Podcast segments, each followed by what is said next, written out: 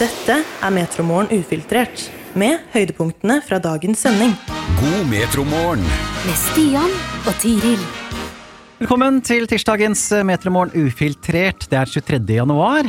For en happy tirsdag det er! Ja, ikke kjipetirsdag i dag, altså. Nei, det kan jo ikke være kjiptirsdag når man har fått lov til å møte på selveste Anette Hoff og Nils Ole Oftebro, Stian. Ja, vet du hva, Jeg misunner deg såpass, jeg. Altså. Jeg, bare, jeg, jeg tenker ofte på Nils Ole. Ja, og så for at han er så fin fyr.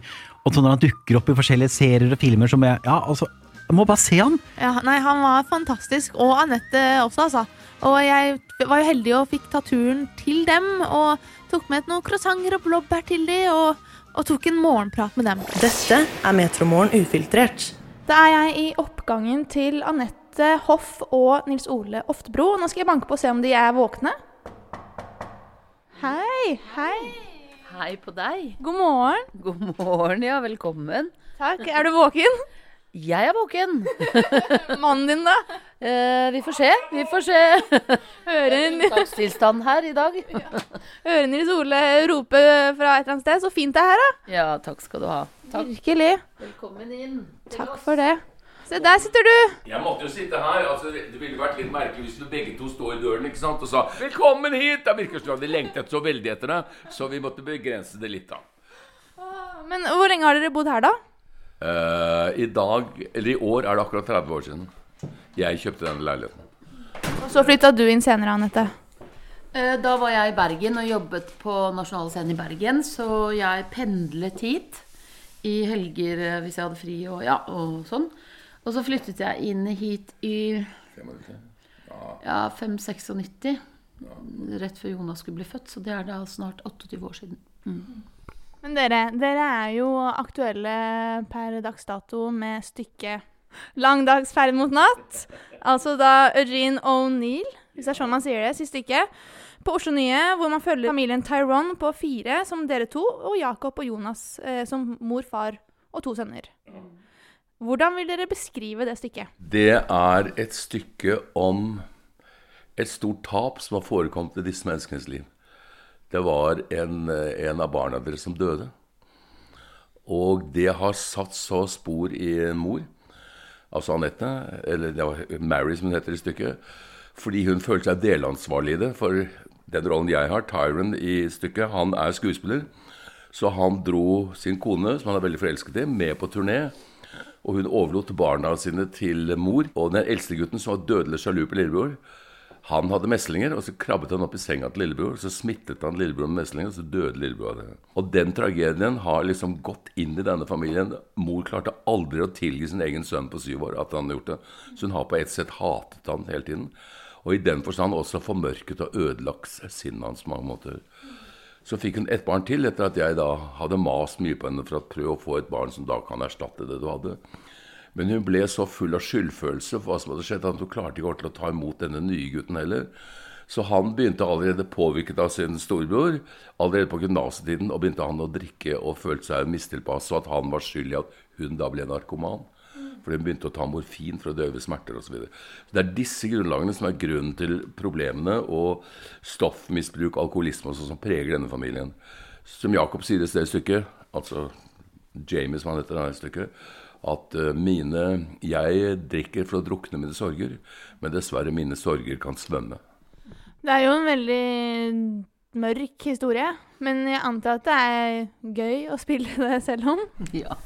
Uff, ja. Uh, ja, altså det er en veldig mørk historie, men det er jo også en historie om fire mennesker som er veldig tett knyttet sammen. Og, og veldig glad i hverandre, egentlig. Det er fint å spille det. Vi har veldig stor glede av å spille det og gjøre det sammen, da, og prøve å liksom gestalte disse karakterene. Vi spiller jo ikke oss selv, det er, det er liksom helt åpenbart at vi ikke gjør. Heldigvis. Glad for det. Eh, Men, eh, men vi håper jo at det at vi kjenner hverandre så godt og er så glad i hverandre i, i utgangspunktet, gjør at vi kanskje når ja, når litt lenger inn da, til kjernen av um, Vi håper det. Mm. Og dere hadde premiere sist torsdag. Hvordan eh, gikk det? Det må vi si gikk veldig bra. Det var et strålende publikum, og vi følte liksom at forestillingen kom hjem, på en måte. At den landet. Og at vi Ja. vi, at vi var det beste vi hadde vært til da, i hvert fall. Eh, for man jobber seg jo frem til en premiere, ikke sant. Så vi hadde hatt veldig mange gjennomganger og veldig mange prøver og alt mulig sånn. Og så på premieren så plutselig så kjente vi at nå, nå satt det.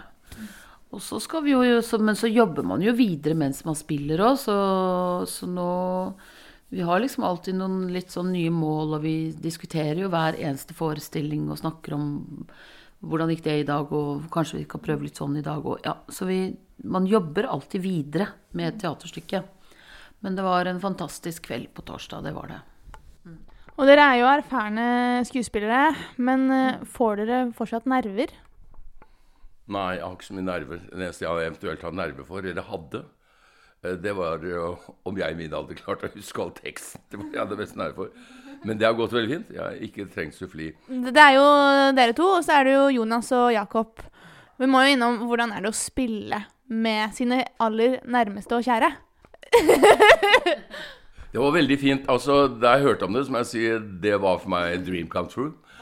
Og eh, både Jakob og jeg har jo da Eller Runar, som er teatersjefen, og jeg. Vi har lagt press på Jakob, som da skal filme i Sverige og frem tilbake. Kan ikke vi få til dette her? Og, og fått med Jonas fått med, altså Alle er blitt med i denne forestillingen. Det var en drøm jeg hadde. Når vi står på scenen, så må jeg si at jeg merker veldig lite til det.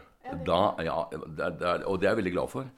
For hvis jeg hadde begynt å tenke Oi, jeg kan ikke skrike så stygt, for det er sønnen min Jakob som står der. Så jeg kan ikke si 'din jævla dritt'! Ikke sant? For han, jeg må si 'din jævla dritt'. For det er han som står der. Så, så er jeg veldig glad for at det eksisterer ikke. Da er vi kolleger som står der. Og jeg er veldig stolt av mine tre medkolleger. Jeg syns de leverer veldig bra ting. Og de er veldig enkle å spille mot, for vi kjenner hverandre så godt at jeg syns vi gjør hverandre gode. Vi spiller liksom i samme Og så er det hyggelig at en familie for en gangs skyld på norsk scene da, ikke har en far fra Nord-Norge, en mor fra Stavanger, en sønn fra Kristiansand og en som kommer fra Trøndelag. At det faktisk virker som de er samme familie. De bor på samme sted og snakker samme språk. Sjelden ting i norsk teater i dag, men jeg syns det er fint. Men er det, er det, liksom mamma og pappa på, når dere jobber, eller må du si Anette og Nils Ole? Mm, det må jeg tenke meg om. Uh, ja, det tror jeg, jeg tror det har vært begge deler, og en sånn salig blanding. Men det er som Nils Ole sier, at idet i det vi liksom går inn i selve prøverommet og begynner å jobbe med scenen og, og sånn, så, så, føler jeg at jeg jobber med en kollega, liksom. Um, ja. Men det er klart litt sånn kaffe før og etter og tull i trappa og sånn, det er jo familiært og nært på en annen måte, ikke sant? Så, så Men det er overraskende. Jeg, liksom, det, jeg var fryktelig redd for at dette, siden det stoffet er så heavy, så tenkte jeg at uh, herregud, kanskje vi kommer til å bli veldig lei av hverandre eller synes det er slitsomt å være sammen, liksom. Så at uh, ingen ville spise middag lenger med hverandre og sånne ting. Nå har det ikke vært så veldig mange middager akkurat i denne perioden. Vi kan ikke skryte av det. Så kanskje det egentlig er det som har skjedd. Ja. Men uh, Det er ikke hyggelig, pappa, å ha med deg på scenen. Det har litt vondt i hodet nå, så liksom.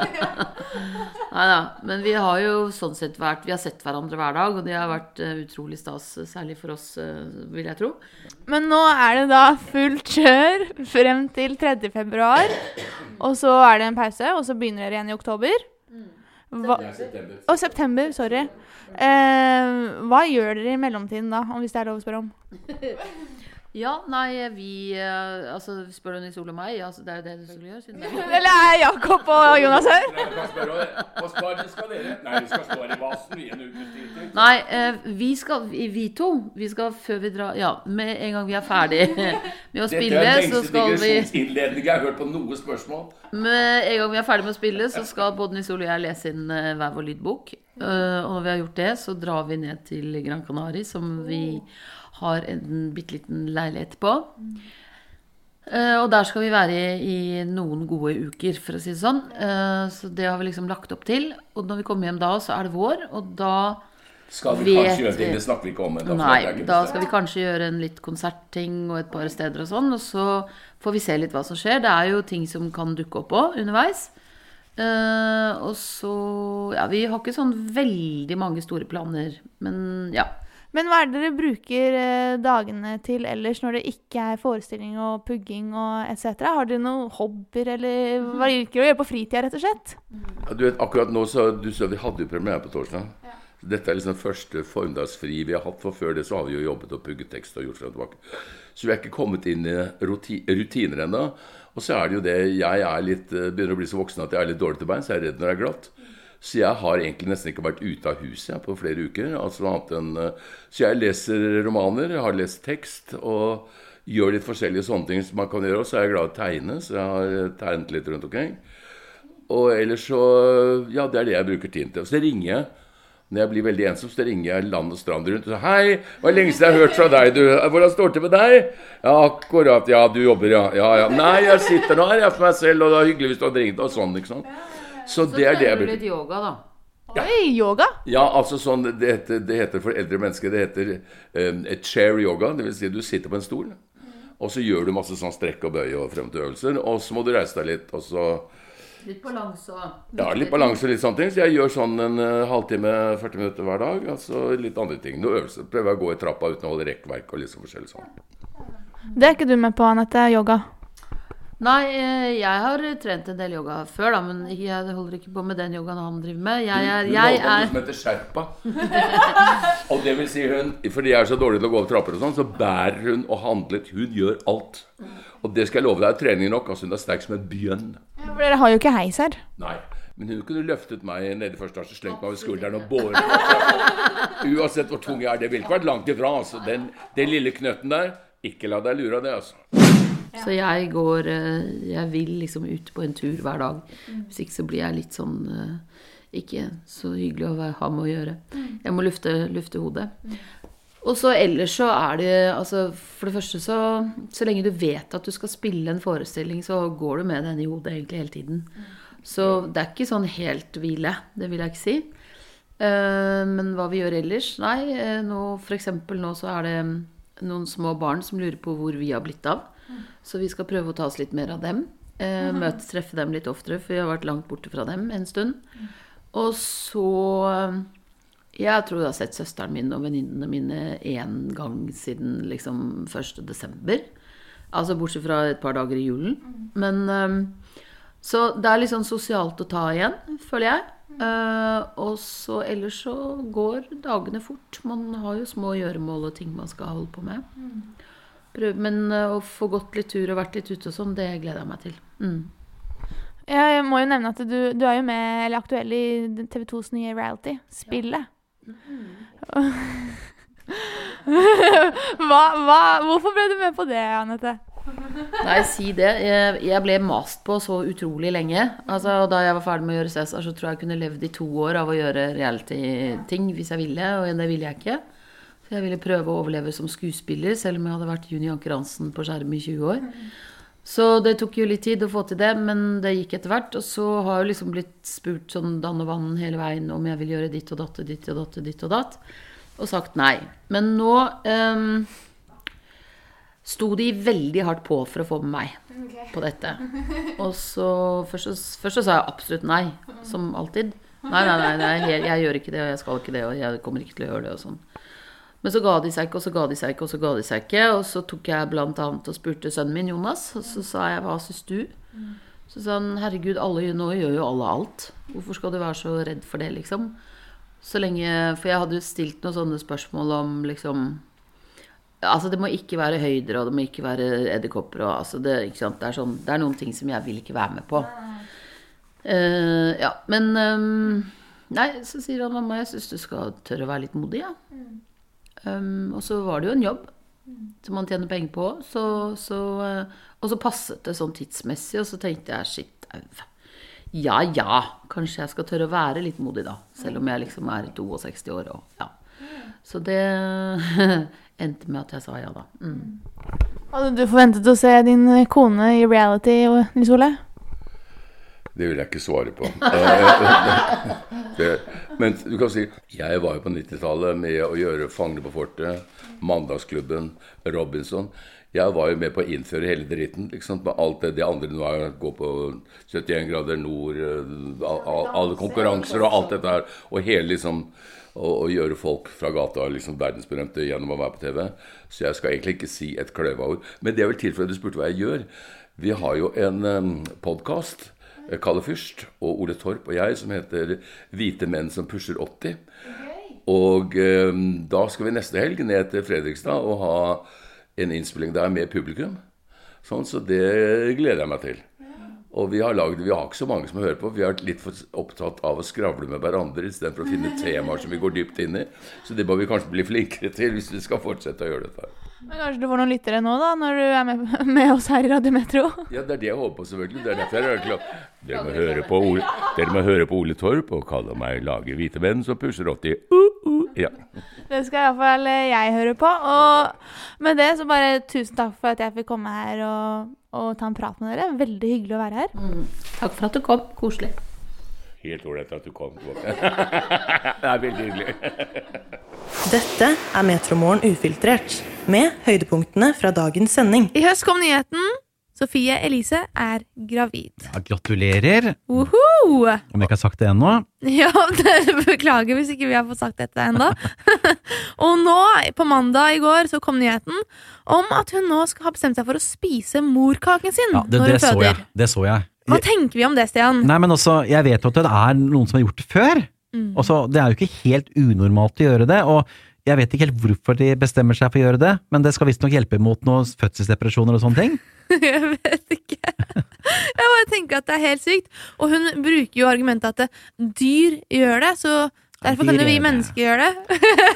Ja, Og så er det da journalist eh, Ingeborg Sennese som har liksom tatt dette opp eh, på sin egen Instagram-profil. ja. Og hun skriver at selv om dyr gjør det, så spiser også dyr avføring, katter spiser gress, og våre nære slektninger aper eh, spiser blant annet sine egne barn. Så eh, hvis vi skal begynne å følge hva dyr spiser, da blir det mye rart, Stian. ja, det vet jeg ikke om vi tør å gå inn på. Altså, altså helt tatt nå, om vi setter eh, frokosten i halsen på noen, jeg vet ikke. Det er kanskje noen som vil gjøre det da, men er det godt, liksom? Jeg forstår ikke helt den. Hvis vi har noen eh, lyttere som har spist morkaka si, så vil vi gjerne høre fra deg. Send oss gjerne en snap og fortell eh, om opplevelsen, for det må jo være en opplevelse. I hvert fall hvis det var en grei opplevelse. Det er, hvis det ikke var noen hyggelig opplevelse, så trenger du heller ikke å fortelle ja, om det. steker man den? Steker man morkaka, liksom? Er det sånn at du griller den?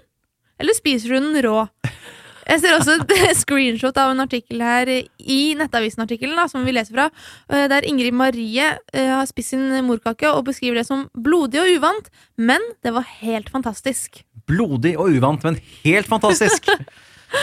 Hva, hva slags mat er det du lager selv ellers da? Fordi Hvis det var fantastisk, da lurer jeg på hva annet du spiser. Nei, altså, jeg, jeg tror jeg, jeg holder meg med de som sier det, av disse som er såkalte eksperter, da, som sier at uh, kunne heller donert den til forskning. Ja, det hadde vært uh, sikkert spennende, det. Å det- Og forske på den uh, morkaka. Hør oss når du vil, der du finner dine podkaster.